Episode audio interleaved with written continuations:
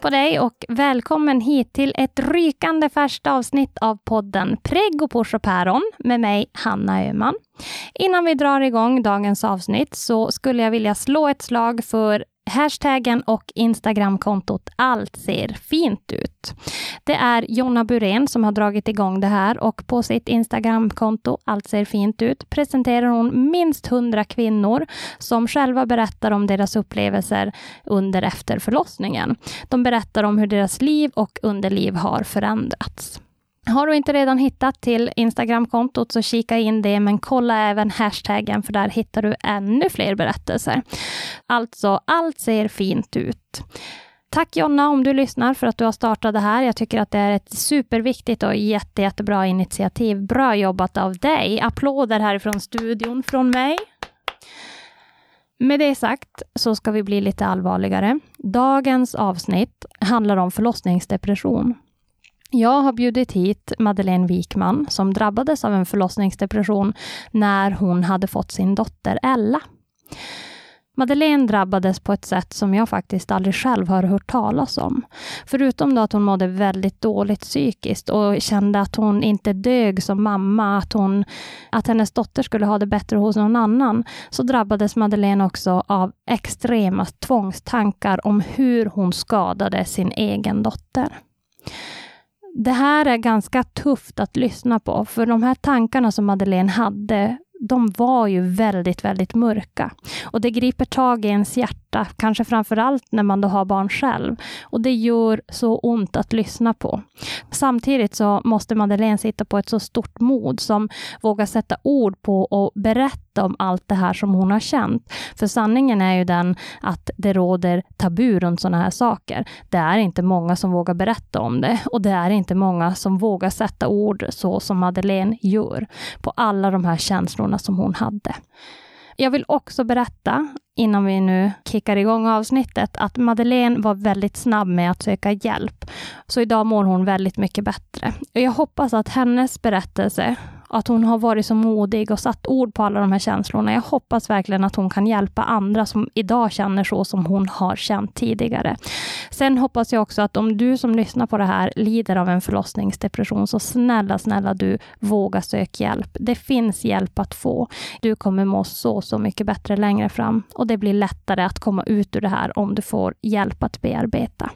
Du kan ringa 1177, du kan ta kontakt med din hälsocentral och eh, MVC. Vilken väg väg du än känner är bäst. Kanske är det lättast att prata med en vän som kan hjälpa dig vidare. Men vad du än gör, snälla för din egen skull, sök hjälp. När Madeleine kom hit så blev min barnvakt tyvärr sjuk, så att vi hade Vins sovandes här i studion, eller halvsovandes i studion kanske jag ska säga. Med det sagt så tycker jag att vi kör igång. Här kommer Madeleine Wikman.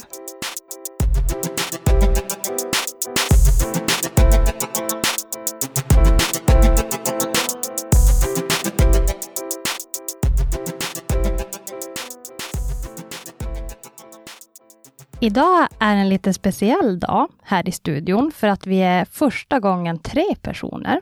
Jag har med mig Madeleine, välkommen. Tack så mycket. Sen har vi även med oss din sambo Lars. Men jag som är så oteknisk, jag fick inte igång den tredje mikrofonen, så att Lars han sitter med här som stöd för dig idag. Jajamän. Men vi har som sagt ingen mikrofon. Däremot kanske vi kan få någon liten kommentar av Lars lite längre fram. Vi får se. Han är lite skeptisk till att vara med, men vi kanske lyckas övertala honom. Vi kan hoppas i alla fall att han vill delta. Ja, men precis. Du, vi ska prata om förlossningsdepression idag. Jajamän. Men jag tänker att innan vi kommer in på hur du har mått efter din förlossning och efter att ni fick eran Ella, så tänker jag att vi backar bandet lite grann och går tillbaka till, till när allt började. Mm. När ni fick det där plusset på stickan. Exakt. Och var det planerat? Nej, det skulle jag inte säga att det var. På sätt och vis, ja, för vi har ju ändå inte skyddat oss och så där, så då vet man ju att det finns chans för graviditet. Eh, men samtidigt så var det inte så där att vi hade sagt nu ska vi ha barn. Mm. Så det var väl lite både och. Vad var det som gjorde att du gjorde ett graviditetstest? Jag fick väldigt ömma bröst tidigt. Annars brukar jag bara få det två, tre, fyra dagar innan menstruation. Men nu fick jag det redan en vecka efter jag hade haft mens. Och då hade jag mina misstankar, så jag provade att göra ett test. Och det visade att jag var gravid. Hur gick tankarna då? Först började jag gråta. Första tanken var, det här kommer aldrig att gå. Trots min längtan efter barn sen jag var 15 år gammal. Mm. Men du hade längtat efter barn väldigt länge. Ja, Och då tänker man ju att du borde ha känt lycka där när du stod med plusset. precis. Men det gjorde jag inte, inte i början. Med tanke på att det hade varit lite struligt innan. Vi hade precis blivit tillsammans igen, jag och min sambo, efter ett uppbrott. Så det kom lite plötsligt sådär. Och i och med att det var lite i början av vårt förhållande igen så vart det lite för mycket. Mm. Väldigt känslosamt, Mm. helt enkelt. Men du var ensam när du gjorde testet. Ja, det var jag. Hur meddelade du Lars? Eh, Jag ringde till han, han var på arbetet, och jag ringde till han och sa att jag har en grej att säga åt dig. Och han vart väldigt orolig och trodde att det var något hemskt som hade hänt. Så han bara, men alltså du måste ju säga vad är det som händer? Mm. Och jag sa, men jag vill inte att du ska vara bland de, alltså kollegorna, så du får gärna gå undan. Och, vilket han då gjorde. Och så sa jag att du ska bli pappa. Det vart knäpptyst i andra ändan av luren. Ehm, men någonstans så sa han, var det inte värre än så? Typ. Ehm, och sen sa jag åt honom att jag ville då åka på hälsocentralen för att ta ett extra test för att se, är det verkligen sant? Mm. För man blir ju lite sådär nojig och vill som dubbelkolla. Mm. Och då syntes det ingenting för det var så tidigt i graviditeten. Så de sa, men kom om en vecka igen så har det hunnit, har det hunnit komma lite mer hormoner och sådär. Men det vart ett litet, litet, litet svagt streck. Men hon sa, bara för säkerhets skull tar vi dem en vecka igen. Och det var då längsta veckan i mitt liv. Hur gick tankarna då under den veckan? Är jag gravid? Är jag inte? Är jag? Så jag tog nog sju test hemma tror jag. Under den veckan. Och alla visade positivt. Så någonstans förstod jag. Men ändå att få det där Mm. testet på hälsocentralen och få det skrivet i journalen. Gravid. Det var Mm. som det jag ville ha för att då var det som, nu är det säkert. Men då åkte ni tillbaka till vårdcentralen en vecka senare. Ja. Och då var det ingen tvivel om saken, utan då var det ett starkt blått streck som visade att, ja, att det var positivt. Och hur kändes det? det var som en lättnad ändå. För då hade det ju som hunnit sjunka in från när jag tog testet hemma. Så att det var som bara skönt att få det riktigt bekräftat att jag är gravid. Mm. En lättnad helt enkelt. Och graviditeten då som följde på det här plusset, hur var den? I början så kände jag ju ingenting första åtta veckorna. Så det var lite som, jaha, det har visat plus, varför känner jag ingenting? För oss som någonstans får det mer bekräftat, förutom då de ömma brösten. Men annars, jag ville som ha något mer tecken på att det ändå var så, för att någonstans känna det. Men så här i efterhand så ångrar jag ju att jag önskade det, med tanke på att från och med vecka åtta så mådde jag ju fruktansvärt dåligt. Jag fick kräkas flera gånger, illamåendet satte igång och den höll i sig i stort sett resten av graviditeten. Det var kräkningar flera dag- gånger per dag även i Eh, slutet. Vissa dagar var det kräkningar flera gånger per dag. Och det var som, började jag kräkas på morgonen, då var det som att det höll i sig hela förmiddagen. Mm. Men fick jag behålla maten och det, för det var ju att stiga upp direkt, Mm. gå och äta, för att försöka minimera risken att bli dålig. Mm. Men ibland hann jag inte, så satte det igång och att jag började må illa, då var det som kört hela förmiddagen. Men började jag inte må illa direkt vid uppstigningen, så gick dagen överlag bra. Jag kunde må illa, men jag kräktes inte. Kroppen då, hur kändes den? Det var som ingen skillnad. Det var bara som illamående och så dessa ömma bröst då. Mm. Annars kände jag ingen skillnad alls faktiskt. Utan det var illamåendet som var värst. Och då ångrar jag att jag sa, varför känner jag ingenting? Du fick äta upp det. jag fick verkligen äta upp det, ja. Och slutet av graviditeten, Från vecka 20, när jag kom in i det, där när man börjar känna fosterrörelser och sånt och kunde lyssna på hjärta hos eh, barnmorskan och så där, när det vart mer verkligt och vi hade varit på ultraljud och man faktiskt såg att det var någonting där inne. Då kom förlossningsrädslan. Jag hade enorm förlossningsrädsla från vecka 20. Och rädslan berodde främst på att jag var rädd för smärtan som skulle komma vid förlossningen. Och den satte verkligen djupa spår för att jag var konstant orolig, nervös, rädd inför dagen som skulle komma. Var det här någonting som du tog upp med din barnmorska på, på MVC? Jag tog upp det med min barnmorska i och med att jag har haft högt blodtryck tidigare, innan graviditeten, så fick jag ju vara på kontroll i Sunderbyn dessutom flera extra gånger för att det finns ju ökad risk för havandeskapsförgiftning och sånt när man lider av högt blodtryck. Och det hade jag mest troligt på grund av att jag mådde dåligt redan innan graviditeten psykiskt. Så jag har även tagit upp det där med dem på Spesmödra i Sunderbyn. Och de sa att ja, men återkoppla till din barnmorska igen, ta upp det och så kanske jag då får komma och prata med Norea, vilket inte blev fallet i det här. Men jag tog upp det flera gånger när de frågade eh, hur det kändes med förlossningsrädslan och jag sa så det jag är livrädd. Jag vill inte föda helt enkelt. Och då försökte de som förklara att det är normalt att vara alltså, nervös och rädd.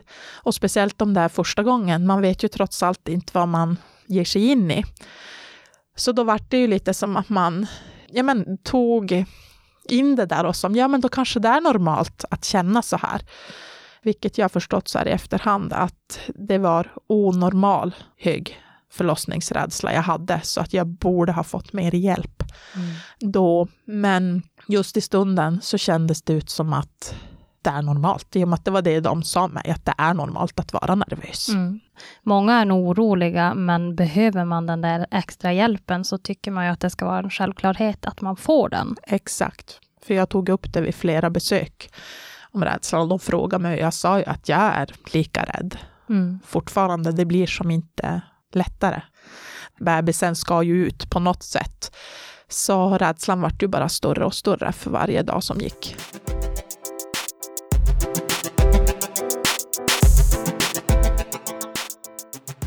Och när det drog igång då? Det drog ju aldrig igång av sig själv, utan jag har gått 19 dagar över tiden Oj. innan min dotter kom via ett akut kejsarsnitt. Vi fick föra in på koll på grund av mitt blodtryck då, som jag hade innan graviditeten, mm. för att kolla så att jag hade tillräckligt med fostervatten och så liknande kvar, så att inte bebisen skulle bli påverkad. Och jag hade jättemycket och fint fostervatten i vecka 42 plus 0. Så då sa de att jag skulle få komma på en ny koll, 42 plus 3 tror jag det var. Och har det inte dragit igång tills då så ska de börja med igångsättning från 42 plus 4. Så jag var då på koll 42 plus 3.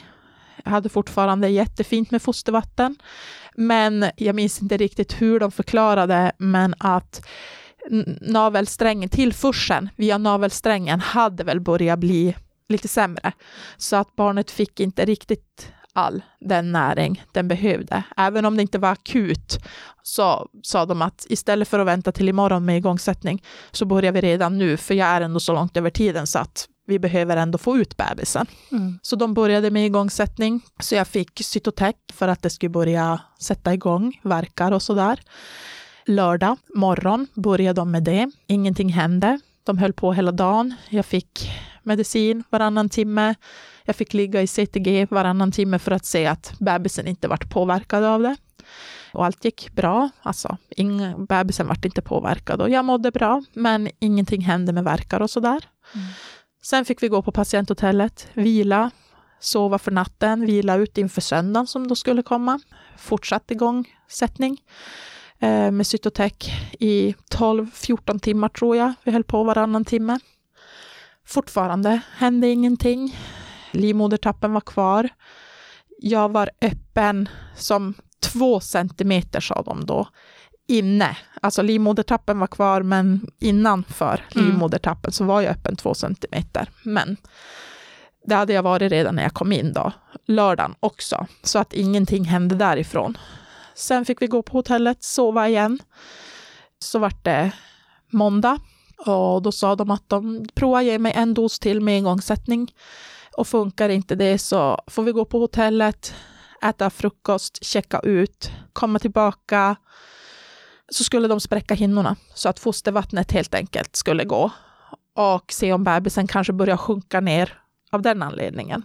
Du som då hade varit så otroligt rädd för allt det här. Mm. Hur var det? Att det tar flera dagar, ni får gå och sova på hotellet mellan varven. Alltså hur, hur tänkte du då under den tiden? Ja, alltså jag var ju skräckslagen. För jag var ju så inställd på att lördag, nej söndag ska de då börja med igångsättning. Så bara att de sa att vi börjar redan idag. Mm. Dels vart det en rädsla för att, jaha, tänk om det slutar fungera. Alltså att barnet inte får tillräckligt med näring. Så var ju det en rädsla. Samtidigt som den här rädslan kom, shit, jag ska föda nu. Mm. Så då kom ju rädslan. Alltså, den var starkare än någonsin. Jag fick ångest, jag var orolig. Så varje gång de sa på kvällen att ni får gå på hotellet och sova för att det händer ju ingenting. Det var faktiskt en lättnad över att det har inte hänt någonting idag heller. Jag slapp smärtan. Yay! så det var faktiskt bara skönt. Men när de då sa måndagen, vi ska spräcka dina hinnor, för nu ska bebisen ut. Mm. Så när vi gick på hotellet igen innan frukost och plockade ihop våra grejer så ringde jag till min mamma och sa då vad som skulle hända. Att det, de skulle spricka, spräcka hinnorna och hände det inte något då så skulle jag då få verkstimulerande dropp.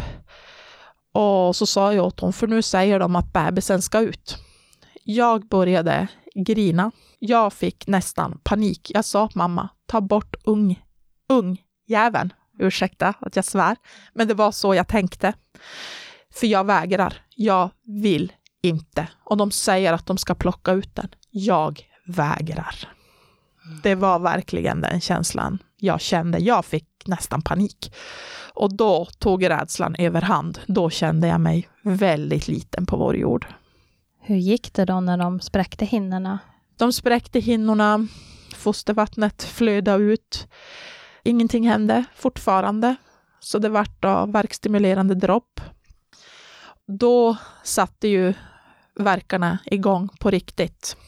Och denna smärta som jag varit så rädd för vart ju väldigt påtaglig, väldigt snabbt. Från att inte känna någonting alls vid 11, 12, 10, 12 tiden kanske det var, till att börja med lustgas redan vid halv två. För att då hade jag så ont och kände att jag klarar mig inte utan någon sorts smärtlindring. Mm. Så då fick jag börja med lustgas. Klockan tre har jag bara begärt ryggbedövning. För att då hade jag så ont så att jag ville gråta. Mm. Vilket jag fick. Men då tog inte ryggbedövningen ordentligt. Den bedövade bara vänster sida. Höger sida var fortfarande obedövad helt enkelt. Smärtorna var hemska. Verkarna kom med jättetäta mellanrum. Har faktiskt ingen tidsuppfattning hur tajt, men jag sög i mig denna lustgas. Slutade med lustgasen. Det tog vad jag uppfattade som kanske 20-30 sekunder. Så fick jag börja suga i mig denna lustgas igen, vilket gjorde att jag vart illamående. Jag vart ju då jätteyr av ruset av det, så att det slutade med att jag låg och spydde, mådde dåligt. För att man hann aldrig vila, dels mellan verkarna och sen från all lustgas som man sög i sig hela tiden. Mm. Så det vart en jobbig början på den förlossningen. Men sen hände det något, för det blev ett, ett kejsarsnitt istället. Ja. De gjorde ju jättemånga hinsvepningar på mig från torsdagen där, när vi var in på koll. Och de hann med säkert tio hinsvepningar fram till måndag förmiddag där då. Jag låg i verkar och fick känna av dem på ett hårt sätt i och med att det var väldigt kämpigt. Varje gång de var och kollade mig, hur, om jag hade öppnat mig, om livmodertappen var borta, så fick jag bara till svar, det har inte hänt någonting. Så jag låg där i verkar, timme efter timme efter timme. Men det hände ingenting. Vilket gjorde att jag kände nästan att jag tappar hoppet snart. Ska jag behöva ligga här och ha så här jävla ont? Men det händer ingenting. Ska jag ligga här en vecka och ha så här ont? Och det kommer inte hända någonting. Det kändes liksom så. Det kändes hopplöst, helt enkelt. Men jag låg där, tog emot verkarna, kämpade på. Till slut la jag mig på sidan, höll i det här handtaget på sängen som finns. Jag låg och blundade och där låg jag bara och tog emot verkarna för jag kände, jag vet inte annars vad jag ska göra. Så jag låg bara där, försökte gå in i mig själv. Jag låg och hörde hjärtljuden från CTG-monitorn. Det var det jag hörde för att någonstans ändå bli pushad att fortsätta ligga och ha så där ont i och med att bedövningen inte hjälpte som den skulle. Sen så började de säga åt mig att du ska inte äta och dricka något mer ifall om det skulle bli snitt så att du inte är full i vätska och så där. Så gick de och hämtade läkaren vid sextiden på kvällen, sex, halv sju tiden på kvällen. Hon gjorde en sista koll och insåg att jag, tappen hade försvunnit och jag var öppen 4,5 centimeter ungefär. Men de sa att det går inte något mer för bebisen börjar vara påverkad. Och jag hade fruktansvärt ont samtidigt som jag hade fått feber och jag började också vara väldigt påverkad. Så då sa de att nu avslutar vi det här. Nu blir det akut kejsarsnitt istället. För att det går inte att plåga varken bebisen eller dig något mer. Så de gav mig då medel för att livmodern skulle sluta jobba och för att ja, men, göra mig lite lugnare. Och den lättnaden när de gav mig den där sprutan och jag slapp ha ont. Underbart. Vad tänkte du när de sa att nu avbryter vi förlossningen och det blir kejsarsnitt? Det första jag tänkte var ju då, gud vad skönt, jag slipper ha ont. Sen kom, efter ett tag, när förlossnings... eller de som skulle snitta mig var och prata med mig och förklara hur snittet skulle gå till. Då kom ju den rädslan. De ska skära upp mig, för det var så det kändes. Då kom rädslan inför den biten. Gör det ont att bli snittad? Då kom ju den rädslan istället. Men jag visste ju att ändå någonstans att nu är det det sista. Sen slipper jag det här. Då Mm. är bebisen här. Men då var det ju en jätterädsla för operationen som skulle komma.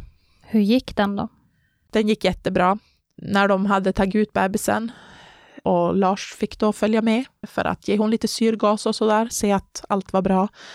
Och de sa att jag hade ovanligt mycket fostervatten. För alltså, jag var full i fostervatten fortfarande, trots att jag var hade haft vattenavgång flera, alltså, flera gånger, för det blir ju att det sipprar ut Mm. hela tiden. Så att hon hade ju inte behövt torka där inne. Hon kunde plaska runt där. Eh, och de sydde ihop mig och sen var ju allt över. Alltså det var så skönt när de väl var klar och sa att nu är vi färdiga. Mm. Det var en sån lättnad. Hur upplevde du smärtan från snittet? Det kändes ju ingenting vid snittet. Ingenting direkt efteråt heller i och med att jag var ju bedövad. Och det gick ju faktiskt jättebra så här i efterhand. Jag var ju livrädd där jag låg. Men det gick ju jättebra. Och jag vart inrullad på uppvaket, fick ligga där i några timmar för att bedövningen skulle börja släppa. Att de ser att jag börjar komma igång lite grann. Och att jag kan börja röra på benen och sådär, för de blir ju bortdomnade, eller vad man ska säga. Så man kan ju inte röra dem när de har gett den bedövningen. Och sen fick jag då gå upp på rummet och vara med min sambo Lars då, och vår ny, nya söta dotter Ella.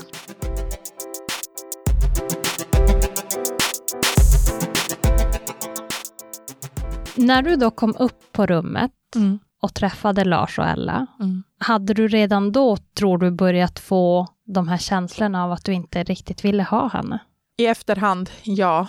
För det jag tänkte är, jag kommer aldrig få sova något mer. Jag kommer bli fast. Jag kommer bara få ligga här med tissarna i vädret och ha hon ammandes och aldrig mer kunna göra något. Det var faktiskt mina första tankar. Samtidigt så just då, i det tillfället, tankarna gick ju i huvudet just att jag kommer vara fast. Men mer än så tänkte jag ju inte på, för det var ju väldigt omtumlande Mm. efter allt som hade varit och försöka landa i allting och ta hand om det här lilla knytet. Mm. Blev ni kvar länge på, på BB?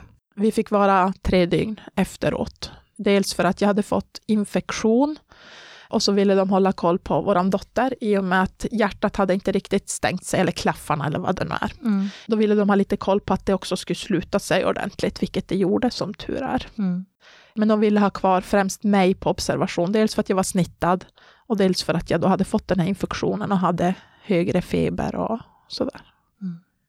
När ni sen fick åka hem och ta med henne ut ur sjukhuset, en känsla som jag vet att många tycker är stor, jättestor, Mm. att det känns nästan som att man har stulit barnet och tar med sig det till bilen och åker hem. Precis så kände vi också. Det gjorde ni. Ja. Kände du när ni kom hem, var du glad och lycklig, eller hur, hur kändes det? Nej, alltså jo, då trodde jag att jag var det. Så här i efterhand så var jag nog faktiskt inte det. Men då kom Lars föräldrar och min mamma kom på besök. Jag lämnade gladeligen bort Ella till dem. Så att de fick hålla i henne och jag var lite sådär obrydd så här i efterhand. Mm. Eh, Men jag tänkte de får vara med henne. Jag, jag hinner ju ändå vara med henne. Mm. Några veckor efter man har fått barn så brukar man ju få svara på den här frågeenkäten på MVC, Ja. eller BVC kanske, där BVC. om hur man mår och, och så vidare. Mm. Svarade du på den? Jag svarade på den och fick godkänt på den. Ja. Det visade inte att jag hade någonting. När vi pratades vid här innan vi började spela in så sa du att det var ungefär när hon var runt tre månader som det började komma på riktigt. Mm. Vad hände då? Min sambo Lars var på ICA och handlade lite grann medan jag satt med min dotter i bilen. Jag började gråta. Jag såg på henne, satt och försökte intala mig själv. Jag älskar dig. Jag vill ha dig. Jag tycker om dig. Samtidigt som känslorna bara var putsväck. De bara försvann från ingenstans. Och jag satt bara och grät och grät och grät och försökte verkligen intala mig att jag vill ha dig. Men jag kände inte det. Alltså hur reagerar man själv när man inser att känslorna är borta på det här sättet? Ja, så det vart ju verkligen som en chock. För jag förstod ju inte vad är det som håller på att hända? Varför känner jag som jag gör? Alla de här frågorna kom upp i huvudet. Vad är det som händer? Varför känner jag ingenting? Varför gråter jag bara? Varför vill jag inte vara med hon? Det vart väldigt mycket tankar. Att vad är det som händer med mig? Och hur hanterar du det här då? Först försökte jag som trycka undan det och försökte då intala mig själv att jag tycker om henne. Men lördagen, det här var då en fredag eftermiddag, lördag förmiddag så var min sambo och jobba, för han jobbade den helgen. Och då kom tvångstankarna. Och då trodde jag faktiskt att jag håller på att bli knäpp. Berätta, vad var det för tankar? Tankar om att jag skadade henne, både sexuellt och fysiskt. Att jag tappade henne i golvet. Eller att jag kastade henne i golvet, rent ut sagt. Att jag nöp henne, att jag slog henne. Jag såg det som bilder framför mig. Ungefär som när man ser på tv, så ser du det framför dig. Så såg jag mina bilder. Hur jag skadade henne. Och samtidigt som jag såg det var det som att hela min kropp skrek gör det, gör det. Det kommer kännas bättre sen. Blev du rädd när de här tankarna kom? Jag blev jätterädd. Och jag trodde helt seriöst att jag har blivit psykiskt sjuk. Att jag ringer snart 112 och ber dem hämta mig. Mm. Jag behöver psyket. Mm. Alltså det kändes verkligen så. Jag vart rädd. Vad gjorde du då? Jag ringde till min, en av mina bästa vänner och frågade om hon kunde komma förbi för att jag inte mådde så bra, att det var någonting som var fel. Så hon kom över och jag förklarade hur jag kände och tänkte. Och hon sa att det här är helt normalt. Du behöver, jag förstår att det är jobbigt, men jag tror inte att du behöver vara orolig för det här är normalt. Men ta kontakt med hälsocentralen så fort du kan för att försöka få hjälp. Mm. För det är ett normalt tillstånd, men ett väldigt jobbigt tillstånd. Så när Lars kom hem från jobbet den kvällen så sa jag åt honom att det är någonting som är galet och förklara hur jag kände och tänkte. Och han försökte trösta mig och han trodde väl kanske inte riktigt på det först för att det vart, det vart väl som en chock för honom också. Mm. Men sen då gick vi och sov. Det kändes väl sådär. Sen får han nog jobba igen söndag morgon. Det var ännu sämre då. Det är nog faktiskt värsta dagen någonsin under hela den här tiden. För tankarna exploderade. De vart värre och värre och värre. Och i början var det bara att jag skadade henne fysiskt. Och det slutade med att jag ringde 1177 Mm. för att fråga om råd. Och de kopplade mig till psykiatrin. Då sa han där, ja men han frågade om jag har tankar på att skada mig själv eller ta livet av mig själv eller liknande och det hade jag faktiskt inte. Eh, så då sa han, känner du att du tappar fattningen och inte klarar av att vara med din dotter så tycker jag att du ska komma in akut för då behöver, vi, behöver du få hjälp. Mm. Men annars tar jag du kontakt med vårdcentralen då på måndag, vilket jag gjorde då måndag förmiddag och fick komma in akut då. Mm. Vill du berätta hur tankarna eskalerade den här dagen? Eh, det vart som bara grövre saker jag gjorde illa henne med. Alltså att jag släppte barnvagnen framför bilar när vi var och promenera. Att jag, när jag kokade vatten och skulle typ göra mig en ko- kopp te, så såg jag hur jag tog det här varma vattnet, hällde det på henne. Hur jag, när vi skulle gå och duscha på kvällen, så såg jag hur jag dränkte henne i vattnet. Det vart väldigt grova tankar på hur jag skadade henne.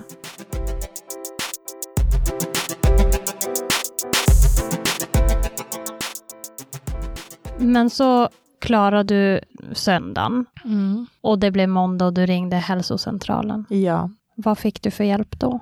jag fick väldigt snabbt hjälp. Eh, Det var BVC-sköterskan jag pratade med och hon sa att jag skulle komma in på en akuttid direkt. Så jag fick prata med en läkare då och han konstaterade att det är säkert en förlossningsdepression. Sen fick jag prata lite mer ingående med min BVC-sköterska och få lite råd och hjälp.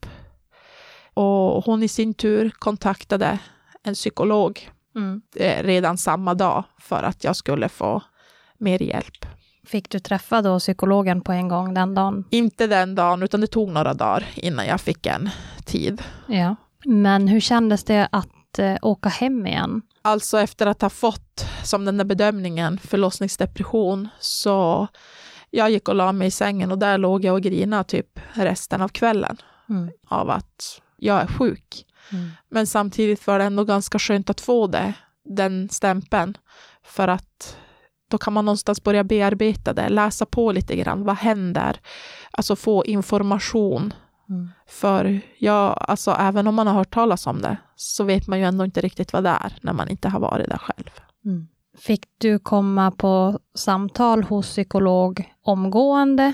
Eller var du tvungen vänta ett tag? Ja, jag fick vänta några dagar innan jag fick komma till psykolog. Och då började vi gå igenom lite saker om hur det kändes och hur jag tänkte och allt det här. Och hon förklarade då att det är mycket på grund av rädsla och ja, jag minns faktiskt inte riktigt vad hon sa, det är som suddigt nu sådär. Mm. Men hon försökte som förklara i alla fall. Och det kändes lite bättre redan efter första gången. Att någonstans ändå få det här att jag är inte knäpp. Mm.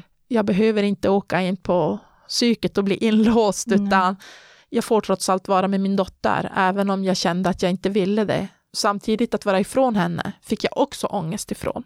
För jag ville ju ändå vara med hon. Samtidigt som det gav mig ångest och oro av att vara med henne. Var du öppen och berättade för era nära och kära om hur du mådde och hur du kände? Jag berättade det faktiskt redan måndagen där. Ringde jag till mina systrar och min mamma och med Lars föräldrar och berättade hur jag mådde och lite snabbt om vad det innebar, innebar av att ha en förlossningsdepression. Hur var reaktionerna från deras sida? Mina systrar, systrar förstod ändå och som sa att är det någonting så finns de här om jag behöver hjälp. Min mamma tror jag inte riktigt förstod i början. Det var säkert som en chock för henne också. För hon tyckte lite grann att ja, men, försök tänka si och försök tänka så. För hon försökte säkert bara hjälpa mig, men det gick ju liksom inte. Tankarna och känslorna styrde ju helt enkelt. Jag har ju inte haft någon kontroll över dem, utan de kommer ju, vare sig jag vill eller ej. Var du själv orolig för att du skulle göra verklighet av de här tankarna du hade? Ja, jag var väldigt rädd att tappa fattningen och att faktiskt skada min dotter. Kunde du vara själv med henne under den här tiden? Det var jättesvårt att vara själv. Som tur är så har jag haft min mamma och Lars föräldrar och mina systrar, men framför allt min mamma som har ställt upp väldigt mycket, sökt semester från sitt jobb för att vara med mig om inte Lars har kunnat. Var det en dag som jag kände var lite enklare att vara själv på så var jag det. Men oftast så var dagarna väldigt tunga och gråa och då behövde jag ha någon med mig för att jag var rädd att faktiskt göra henne någonting. Har det någon gång gått så långt att du faktiskt har gjort verklighet av någon av tankarna? Nej, det har jag inte. Tack och lov så har jag ändå någonstans haft i bakhuvudet att det blir inte något bättre av att göra det. Men ibland så kändes det som att jag klappar till henne snart. För det kanske känns lite bättre för stunden. Samtidigt som samvetet ändå någonstans sken igenom där att jag kan inte göra det, för jag kommer inte må något bättre av att göra det. Och så skrek ändå tankarna och bilderna framför ögonen vart då ännu mer intensiva för att jag försökte någonstans, inte trycka bort dem, men ändå försökte motarbeta dem lite grann. Eh, så då vart de ännu intensivare och det var som att kroppen bara skrek slå hon, slå hon. Bara skada henne. Det kommer bli bra sen. Men samvetet han ikapp och jag gjorde inte det, även om jag nästan faktiskt har stått med handflatan ovan hon, mm. ovanför henne ibland. Men jag har aldrig gjort något. Tror du att det är tack vare den här snabba insatsen från vårdens sida att du fick komma till psykolog så fort och fick hjälp ganska omgående? Det tror jag. Går du än idag hos psykolog? Nej, sen skulle min psykolog sluta byta vårdcentraler. Hon sa för att jag ska slippa börja dra historien åt en ny psykolog och så kanske hon måste sluta och så dra till en ny psykolog. Så sa hon att hon tycker ändå att mina tankar är så pass allvarliga så att hon ville att jag direkt skulle bli skriven på psykiatrin för att få proffshjälp av dem. Mm. Så då fick jag ju mediciner och sånt, antidepressiva tabletter som skulle vara dämpande för tankar. Det skulle ta ner tankarna lite grann så att de inte skulle vara så intensiva. Och de hjälpte faktiskt väldigt bra. Och då har jag fått prata väldigt mycket med den här karln då från psykiatrin som har verkligen förklarat väldigt bra. Men det gjorde även min psykolog. Men det vart som att man trodde på det ändå på något sätt lite mer i och med att han är ändå specialutbildad inom just det här området. Mm. Det var jätteskönt. Och han har som förklarat och försökt få in medicinerna och låta mig lätta på hjärtat helt enkelt. Mm. Det här är ju ett ämne som för många säkert är väldigt, väldigt tabubelagt. Mm. Krävdes det mycket från dig för att våga erkänna alla de här tvångstankarna? Ja, alltså av mina närmsta var det jobbigt att säga faktiskt hur det var.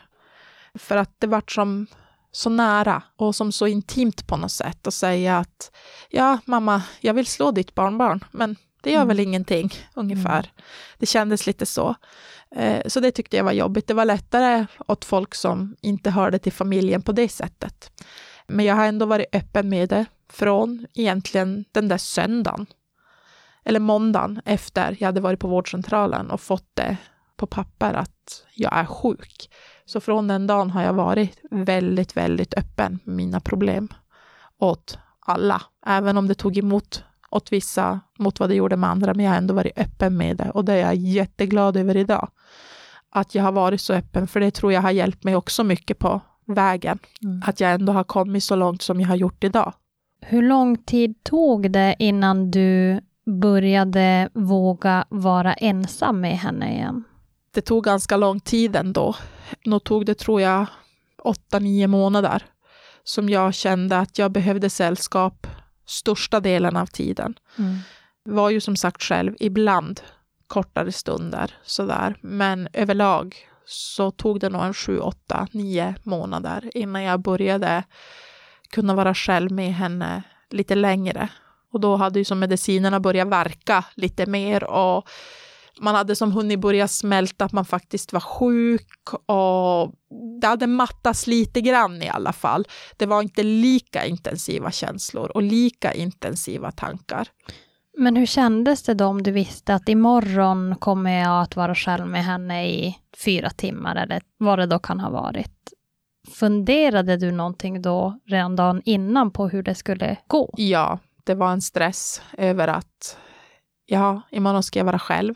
Man tror hur det ska gå. Man satte nästan upp hinder i vägen redan innan dagen ens var här, för att man var rädd helt enkelt för vad som kunde hända. Mm. Ifall om jag inte skulle klara av det. Vi pratade ju lite grann nu, alla tre, innan vi började spela in. Och nu som sagt, Lars är utan mikrofon.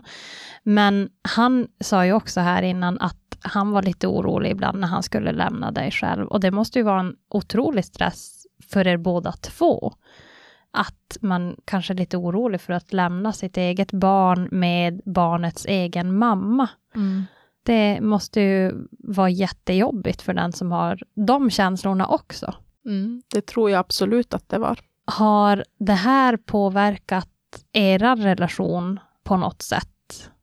Ja, alltså, det är klart att det har. Han blir ju påverkad också, för han försöker vara stark och försöker stötta och hjälpa till så gott han kan, samtidigt som han då ska jobba Mm. dagar när han kanske får ta hand om mig för att jag inte orkar. Han ska ta hand om dottern, han ska ta hand om hunden våran. Så han får ju ett jättestort lass att bära. Mm. De dagarna jag verkligen känner att jag orkar inte.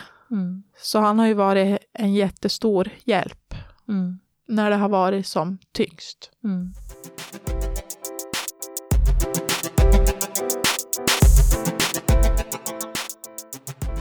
Idag är Ella nästan två år. Hur ser ert liv ut idag? Det har börjat bli bättre, eller ganska mycket bättre faktiskt. Eh, Jag har ju ingen ångest och oro idag som jag hade då i början, för då var den ju extrem. De sexuella tankarna som kom in lite senare, för i början var det ju mest det här fysiska, att jag Mm. gjorde illa henne. De har faktiskt avtagit, Mm. kan jag väl nästan säga till 100 procent. Eh, Men nu vet jag ändå hur jag ska hantera dem med tanke på att jag har fått så himla bra hjälp. Mm. Dels stöttning av anhöriga och stöttningen från vården så vet jag ändå hur jag ska handskas med tankarna när de kommer. Och de här sexuella, vi har inte varit inne på dem än, men, men det måste ju ha varit jätteskrämmande när de kom. Det var jättejobbigt, ja. Det var som att det vart ytterligare ett påslag. Först då allt det här att jag bränner henne och kastar henne i golvet och släpper barnvagnen framför bilar. Det är, det är nog jobbigt att se. Mm. Men när det kommer till att jag gör, ser övergre- att jag gör övergrepp på mitt eget barn med både sexleksaker och att jag har sex med henne. Att jag förgriper mig på henne helt enkelt på olika sätt. Det är, det är verkligen fruktansvärt. Var det så att du fick upp bilder? Det var även där att jag fick upp bilder och såg hur jag hade sex med henne och hur jag utsatte henne för övergrepp. Ja, Nu när du tänker tillbaka på tiden när det var som värst, för du säger att idag är det bättre, du är inte helt bra, men det är betydligt bättre idag. ja. När du tänker tillbaka på när det var som värst, Mm. Vad tänker du då? Ja, alltså det var verkligen hemskt. För en, alltså bara att ha ångest och oro är jobbigt. Men att ha ångest, oro, skuldkänslor, att känna att man inte vill ha sitt eget barn, att känna att man vill lämna bort henne. Allt Mm. som en förälder inte får tänka, Mm. tänkte jag. Mm. Och en kombination av att tänka och känna så med ångest och oro, det är fruktansvärt. Mm. Det är faktiskt det absolut värsta jag har varit med om. Eh, och det är jättesvårt att förstå när man inte har varit i situationen själv. Men någonstans ändå för att kunna få ett litet hum om hur jobbig den blandningen av känslor är. För det är ju inte nog med att känna de här känslorna och ha de här tankarna. Jag ska ändå klara av att vara med henne, att ge henne det jag behöver. Och att se på min egen dotter och känna och tänka det jag gör. ja, det går inte ens med ord att beskriva hur fruktansvärt tungt det är. Jag har varit med om många dödsfall, nära dödsfall. Som min styvpappa till exempel, eh, och kusiner och liknande som har gått bort. Men ändå, om jag skulle ta alla dödsfall och plussa ihop dem tillsammans, så är inte det ens i närheten mm. av hur fruktansvärt jobbigt det här sista ett och ett halvt året ändå har varit under den här tiden, mm. sedan min dotter har kommit. Det har varit fruktansvärt jobbigt. När man själv inte har varit med om något liknande så är det som du säger, det, det går inte att förstå. Nej. Jag tänker också de här sexuella tankarna, är de svårare att erkänna? Ja, det är de. De är mycket svårare att erkänna, för det blir som... Det är som tabu på ett helt annat sätt än att slå sitt barn. Mm. Eh, för om man tänker allmänt i världen, så där kommer det fram att föräldrar faktiskt slår sina barn, att de blir utsatta för det ena och det andra. Men det här med den sexuella biten kommer ju inte fram på samma sätt. För jag tror ändå att det är ännu mer tabu med det sexuella än med det fysiska. Mm. Reaktionerna på den biten när du har berättat då för, för nära och kära och för ja, men folk i er omgivning mm. och du kommer till den här med de här sexuella tankarna dels hur kändes det att berätta det, men också hur tog de emot det? Det var jättejobbigt att berätta, men jag är ändå glad att jag har gjort det. För varje gång man har sagt åt någon, om det så är jättenära anhöriga som familj eller liknande, eller om det är bekanta, så har det ändå lättat en liten, liten sten från ryggsäcken man har burit. Så att det har ändå varit en lättnad samtidigt som det har varit jobbigt att säga för att det är jobbigt att prata helt enkelt om sådana bitar mm. överlag. Och när det då handlar om sitt eget barn så blir det ju ännu kämpigare. Men det har ändå mottagits bra. Jag har inte varit så ingående med detaljer när det kommer till det sexuella, utan jag har väl mer sagt att jag har sexuella tankar. Mm. Eh, utan att gå in något mycket mer på den biten. Mm. Utan då har jag varit ändå mer öppen med den fysiska biten, mm. faktiskt. Upplever du att omgivningen har varit oroliga för att du ska göra henne någonting? Eh, nej, det har jag faktiskt inte, utan jag har fått väldigt mycket stöd och pepp av omgivningen att det kommer gå bra, att det är väldigt vanligt det här med förlossningsdepression, för de vet flera som har varit i liknande situationer, känt likadant, inte haft känslor för sitt barn. Och de mår bra idag.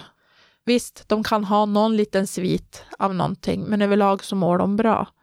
Det har de ju sagt åt mig också, att det kommer att ordna sig. Mm. Och det går ju verkligen åt rätt håll.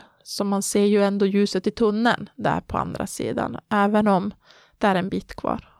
Om man ser på det här med att prata om graviditeter och förlossningar och familjeliv och sådär, så är det ju så att den, den liksom bilden, där det här rosenskimrande, mm. det är rosa små fluffiga moln och jättevackert, alla är överlyckliga. Och, men sen finns det ju ganska många som faktiskt inte alls mår bra.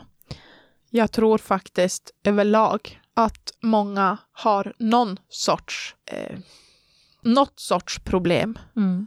Och speciellt kanske efter första, för att allt är så nytt. Mm. Man vet inte hur man ska göra, för man har ingen erfarenhet. Nej. Och de pratar ju mycket om det här med baby blues i alla fall. Mm. Det kan de ju nämna när man går på kontroller och sånt. Inte kanske så mycket om förlossningsdepression och liknande, men just baby blues kan de, har de faktiskt nämnt åt mig några gånger. Mm.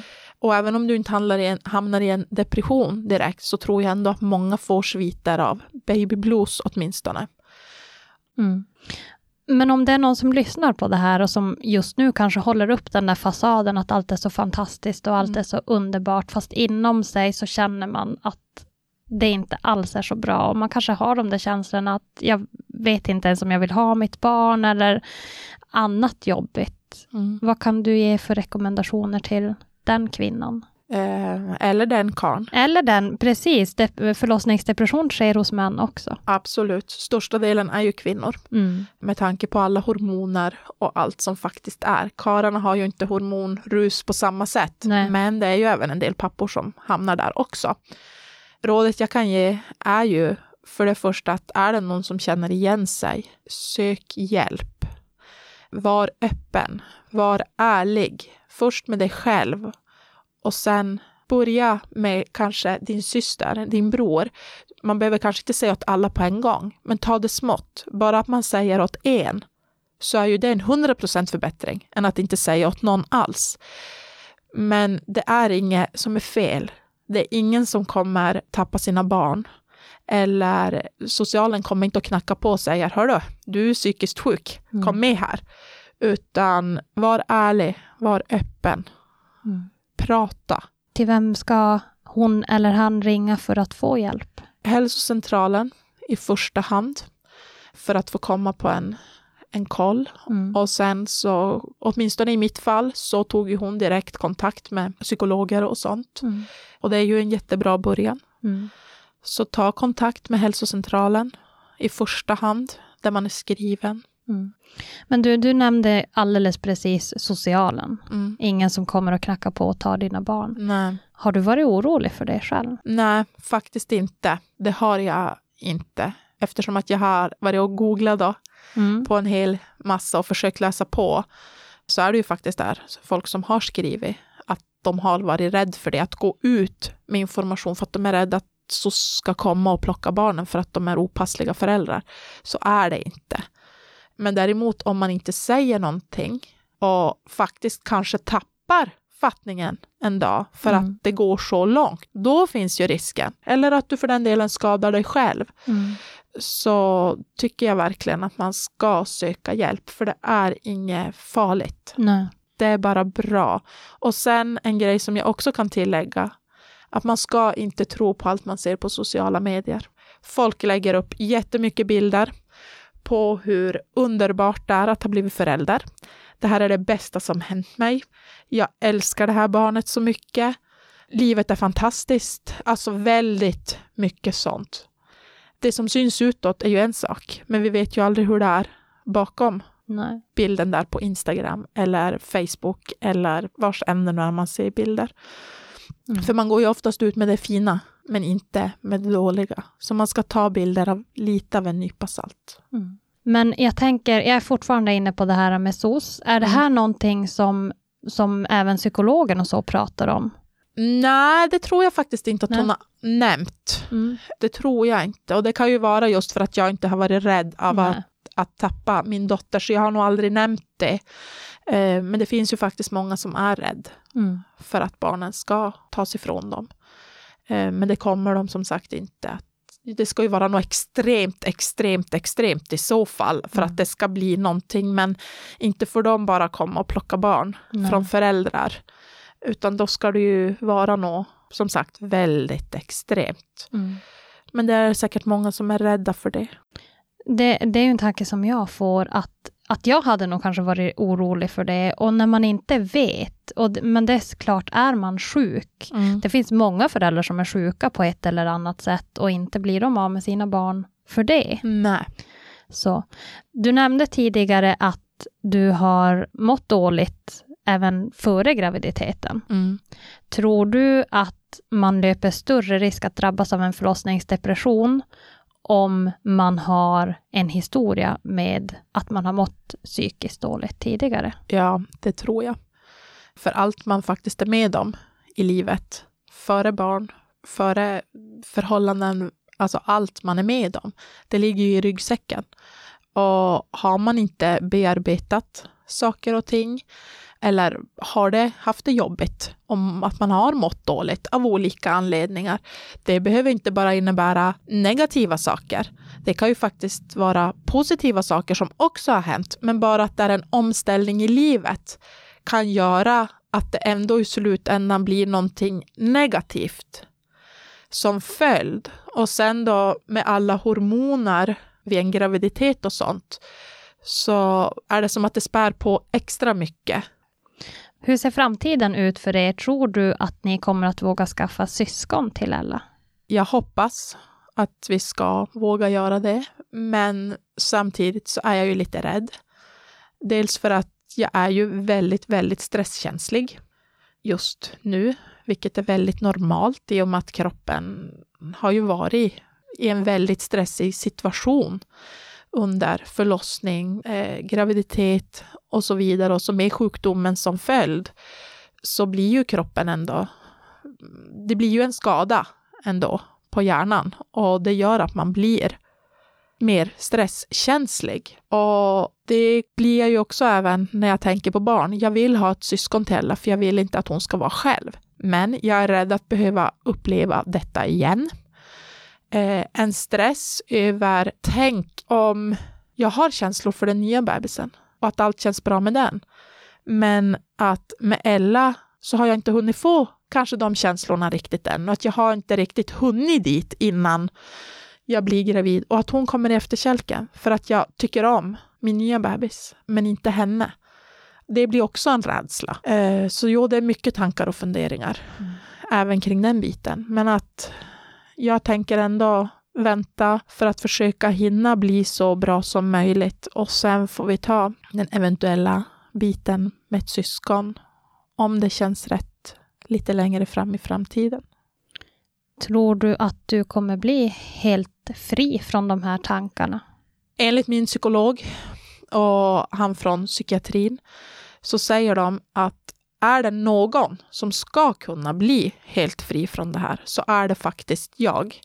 Och det är med tanke på att jag har sökt hjälp så tidigt så att jag har kunnat börja min bearbetning mm. och i det här läget även medicinering. Det är ju inte alla som behöver det. Det beror väl lite på hur, hur grav sjukdomen är helt enkelt, hur stora problem man har. Och i mitt fall så har ju jag haft väldigt mycket problem med mina tankar. Eh, så att jag har fått insatt medicin just för att försöka ta ner dem lite grann, att de inte ska ta över lika mycket. Så de tror ju ändå att jag kommer kunna återhämta mig helt. De kan ju inte garantera någonting, men de tror ändå att jag kommer komma på fötter. För de säger att ju längre man väntar på att söka hjälp, ju mer skada hinner det ta på hjärnan och det blir svårare att läka. Mm. Jag är jätteimponerad att du sökte hjälp så fort och att du vågar prata så här. För som, som jag nämnde tidigare, det är extremt tabubelagt. Allt som har med det här att göra. Eh, så det är jag jätteimponerad över. Hur känns det för dig nu när vi har suttit här och du har berättat om, om dina tankar? Hur känns det att andra ska, som du inte känner ska kunna lyssna och höra hur du har haft det och vad ni har gått igenom? Jag tycker det känns jättebra och jag hoppas ju att det kan hjälpa någon där ute som lyssnar att faktiskt våga be om hjälp, för det är svårt. Och det är säkert jättetungt att be om hjälp just för att det är tabubelagt. Men jag tycker det är så tråkigt att det ska vara det, för det är så många som faktiskt mår dåligt. Och det är ju inte bara med förlossningsdepressioner. Det kan ju vara även med förlossningsskador, vad som helst som har med den biten att göra. Det är tufft att bli förälder. Även om det är någonstans det bästa så är det samtidigt det tuffaste man faktiskt kan gå igenom. Och man ska inte vara rädd för att be om hjälp, mm. även om det är jobbigt. Men det är ju ändå för en själv och framför allt för bebisens skull. För mår man som förälder dåligt så påverkar det ju faktiskt även barnet också. Mm. Så är det. Är du medlem i något forum eller så på Facebook för förlossningsdepression? Nej, det är jag inte. Finns det någonting annat som du känner att det där bör man få höra när det gäller hur vi mår, vi som drabbas av det här? Att som sagt, var inte rädd, be om hjälp, kämpa på, för man är starkare än man tror. Man klarar väldigt mycket, även om det kanske känns hopplöst just för stunden. För det har jag också känt, att jag bara vill lägga mig ner och dra täcke över huvudet och stiga upp om kanske tio år när det känns bra. Mm. Men någonstans så klarar man sig ändå igenom. Man kämpar på och tar sig igenom den där jobbiga dagen. Och idag är jag så himla glad över att jag har kämpat som jag har gjort, för jag får ändå belöning för det. Det tar tid och det måste få ta tid. Men det är värt det. Mm. Jag är jätteglad att du ville komma hit. Tack för att jag fick komma hit. Men tack för att du kom. Och vi har Lars, han sitter här. Han är den typiska norrländska karln. Han är trygg och stark, men ganska tystlåten, precis som min egen karl är. Mm.